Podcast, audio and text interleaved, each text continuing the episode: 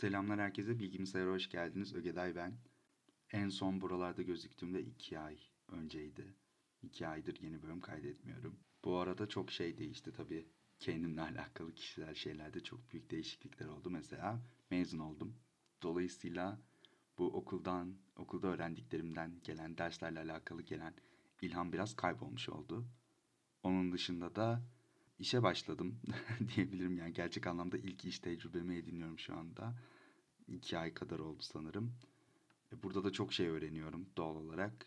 Çok şey öğrenince böyle üstüme bilgisayarlarla ilgili gelen ciddi bir bilgi akışı var. Yani bütün hayatım boyunca yaşadığımdan daha ciddi bir seviyede bir bilgi akışı var üstüme gelen. Sürekli bir şeyler öğreniyorum. Sürekli beynimi bir şey kurcalıyor oluyor zaten. Ama bunlar da çok teknik şeyler. Size anlatabileceğim türden şeyler değil bence. Yani en azından şimdilik. Aynı zamanda benim kendimi hani size açıklayabileceğim yeterlilikte gördüğüm konular da değil. Ben daha böyle basite indirgeyebildiğim şeyleri anlatmayı seviyorum burada. Fark etmişsinizdir zaten. Yani benim bilgisayarlarla ilgili bir şey öğrenme sürecim duraksamadı aslında. Böyle olunca da bu e, bilgi açlığı mı diyeyim kendimde gördüm. Onu doyurma isteğim kalmadı. Çünkü zaten toktum bilgiye. Yani sürekli bir şeyler öğreniyordum. Olarak bir şey araştırmıyordum. Araştırmayınca da anlatacak bir şey çıkmıyor ortaya falan. Böyle bir döngüdeydim iki aydır. En sonunda ne kadar uzun sürelidir bir ara verdiğimi fark edince YouTube sayesinde bir kendime geldim. İşte iki ay önce son upload'um gözüküyor. Dedim ki yeni bir bölüm kaydetmeliyim artık. Yeni bölümü yaparken de hem sizin dinlerken eğlendiğinizi düşündüm. Çünkü en çok bunlar dinleniyor. Yani istatistikleri görebiliyorum. E, yazılım çuvallamaları gerçekten çok dinleniyor. Aynı zamanda benim de bir ön bilgiye sahip olduğum, daha öncesinde mutlaka biraz bilgi edinmiş olduğum konular oluyor. Böylece içeriği üretmek de daha kolay oluyor. Çok dinleniyor dediysem de hani diğerlerine kıyasla çok dinleniyor. Yoksa öyle aman aman bir dinlenme rakamım yok tahmin edeceğiniz üzere. Bugünkü konumuz yine biraz havacılık üstünde. Havacılık üstünde değil, direkt havacılığı ilgilendiren bir konu hatta tamamıyla çocukken vesaire ilgimi çeken bir konu değildi havacılık. Genelde böyle havacılığa merak salmış insanlarda gözlemlediğim şey böyle çocukluk hayalleri olması. Ben de öyle değil. Benim sanırım biraz daha havacılık temasında ve bu konu üzerinde yoğunlaşan bir üniversiteye yerleşmemden sonra sanırım biraz uzak kalamadım. Aynı zamanda Erasmus'a gittiğim üniversitede aynı şekilde havacılık konusunda özellikle eğitim veren bir üniversiteydi. Dolayısıyla ilgim de giderek arttı. O, o çevreden arkadaşlarım da arttı. Onlardan duyduğum hikayeler vesaire derken ama uçak nasıl uçar vesaire bunları çok tabii ki temel seviyede biliyorum yani. Ciddi bilgim öyle. Savaş uçaklarına falan da bir aşırı ilgim yok. Benim sanırım biraz daha ilgim işletme ve böyle ticari alanında havacılığın. Dolayısıyla bugünkü çuvallamamız da yine havacılık sektörü mü diyeyim, havacılık alanından geliyor. Ee, yazılım çuvalların çuvallamalarını bildiğiniz üzere 3 başlıkta inceliyoruz. Öncelikle ne olduğunu, neyin sebep olduğunu ve çıkarılan derslere bakıyoruz sırasıyla. Ee, bugünkü olayımız Los Angeles hava trafik kontrol sisteminde gerçekleşen bir hata üzerine. Bayağı popüler bir vaka bu. Daha önce duymuş olma ihtimaliniz o yüzden çok yüksek. 2004 yılının sonbaharında bir salı gününe gidiyoruz şimdi.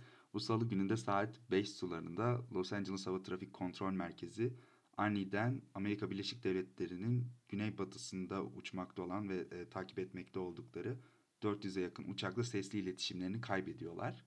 Bu hava kontrol merkezinde kullanılan sistem Melbourne, Florida'da e, Harris Corporation adına bir şirkette geliştirilmiş ve bu teknoloji aniden kapanıyor. Tabii hemen ardından yedekte e, yedek olarak kullanılma amacıyla bekleyen bir sistem daha var. E, onun çalışması sağlanıyor. Fakat bu sistemde bir dakika kadar ayakta kalıyor. Sonrasında aynı şekilde çat diye kapanıyor. Sonuç olarak da bir hava trafik kontrol merkezinin gözlemleri ve rehberliği ortadan kaybolduğu için gökyüzünde işler biraz karışmaya başlıyor. Birkaç pilot çok yakın temastan kıl payı kurtulduklarını belirtiyor olayın sonrasında. Neyse ki hava trafik kontrolü olmak e, kolay değil. Her türlü kriz anına hazırlıklı olan bu kontrolörler e, çabuk düşünüyor ve birçok hava yolu ve e, diğer kontrol merkezlerine hemen o zamanlarda yeni yeni popülerleşen cep telefonlarıyla ulaşıyorlar. Bu sayede gerçek anlamda bir facia önlenmiş oluyor. Kimi pilotlarsa birçok birçok çarpışmayı ticari jetlerde bulunan çarpışma önleme sistemleriyle atlatıyor. Bu çarpışma önleme sistemi de şu şekilde çalışıyormuş. Biraz araştırdım. Her iki uçakta da çarpışma önleme sisteminin olduğu bir senaryoda bir uçağı irtifasını azaltması, diğerine de yükseltmesi gerektiği belirtiliyor. Böylece pilot bu e, öneriyi gerçekleştirdiğinde her iki uçakta çarpışmayı önlemiş oluyor. Tek bir uçakta çarpışma önleme sisteminin olması durumunda da yine aynı şekilde tek bir uçağın alçalması ya da yükselmesi gerektiği belirtildiğinde pilot da bu komuta uyduğunda aynı şekilde çarpışma önlenmiş oluyor. Fakat işin korkunç kısmı şu, bu sistemler 2004 yılında yaygınmış. Fakat bir 10 yıl öncesi ya da işte 15 yıl öncesinde bu tarz sistemler yokmuş uçaklarda. Dolayısıyla bu bahsettiğimiz olay 90'larda ya da 94'te vesaire geçiyor olsaydı aynı güzel sonuçlarla anmıyor olacaktık bu haberi. Şimdi gelelim sebebine. İşte burada olaylar biraz magazine bağlıyor, biraz da karışıyor. Birazdan bu vakanın popülerleşmesinin sebebi de bu. Öncelikle FAA denen bir kurum var. Bunun ne olduğunu açıklayarak başlamak istiyorum. Bu Federal Havacılık İdaresi olarak geçiyor. Amerika Birleşik Devletleri'nin elbette. Dolayısıyla her kuralı, havacılıktaki her kuralı bunlar yazıyor, bunlar çiziyor. Bu hani bir dönem duymuşsunuzdur işte bir ara kabin kabin bagajlarına yani kabinin içine asla ve asla tablet alınmıyordu vesaire. O tarz kuralları da çıkartan bu idare aslında. Havacılık dünyasında bunlar ne söylerse o oluyor kısacası. FAA bu olayın resmi olarak kabul edilen sonucunu insan kaynaklı olduğunu belirtiyor. Yani en sonunda insanda suç buluyorlar ve sonucun insan kaynaklı olduğunu yazıyorlar. Resmi kayıtlarda da geçen bu. Fakat olayın bu kadar magazinleşmesinin ve bu kadar popülerleşmesinin sebebi aslında şu şekilde ilerliyor.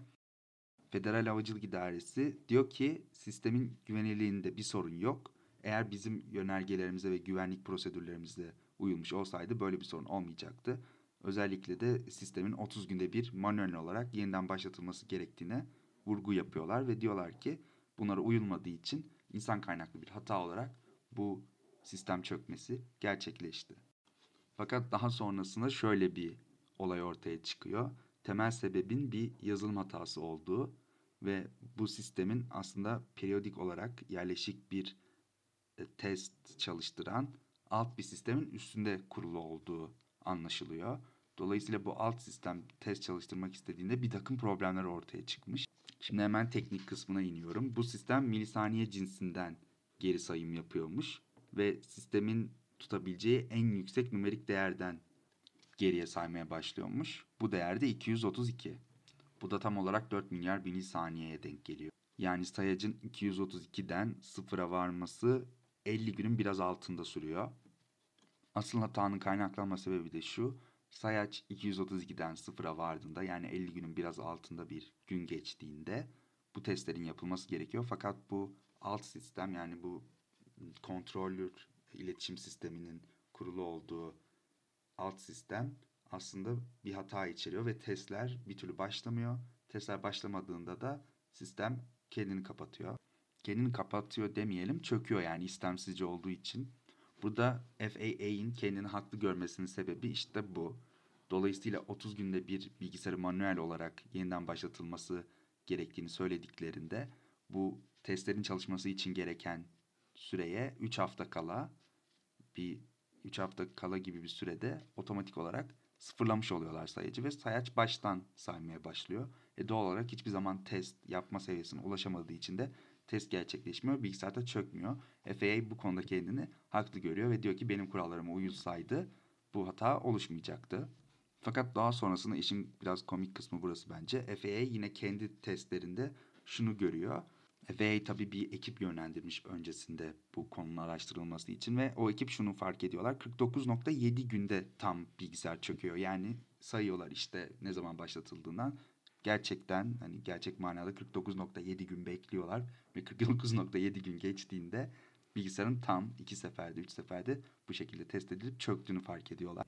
Tabii bu fark edilince FAA benzer bir çökmeyi önlemek adına diğer benzer sistemleri kullanan bütün hava kontrol merkezlerinde 30 günde bir reboot edilme zorunluluğunu sürdürüyor.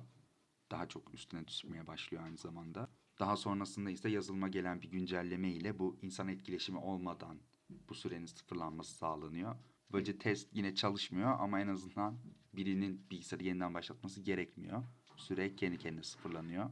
Son olarak neler öğrenildiğine gelecek olursak havacılık dünyası açısından çok bir şey kattığını zannetmiyorum. Çünkü zaten her şeyin birden fazla kez gözetlendiği, her şeyin yedeğinin olduğu bir dünya bence. Çok daha ciddiye alınması gereken kuralların olduğu bir yer.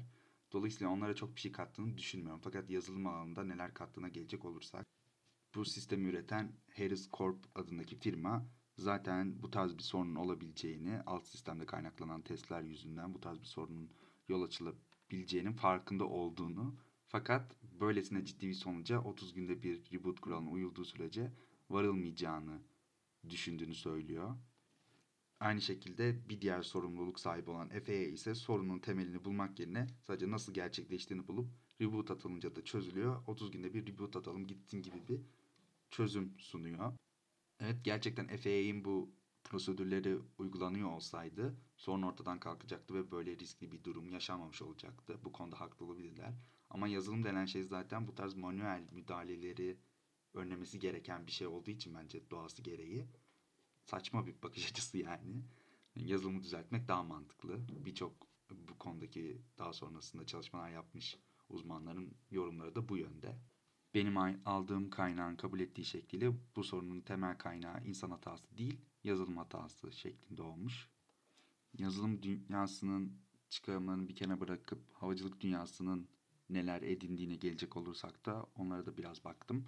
Orada da FAA'in olay çözüldükten birkaç yıl sonra yaptığı bazı açıklamalar var. Şimdi onları alıntılayacağım.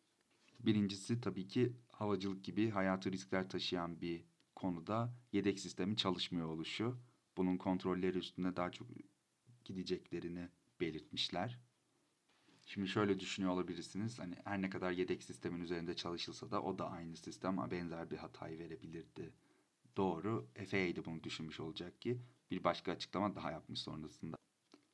FAA sonrasında yaptıkları kapsamlı inceleme ve testlerin problemi açığa çıkardığını, bundan sonra bunlara daha çok önem arz edileceğini belirtmiş. İnceleme ve testlerin daha az bulunduğu bir yapının böylesine güvenlik kritiği taşıyan bir operasyonda asla kabul edilmeyeceğini de daha sonradan eklemişler. Açıklamalar kısmında da bütün bunları derlediğim kaynağı bulabilirsiniz. Bu baz, arada bir söylüyorum sürekli olarak bölümlerde bunu fark ettim.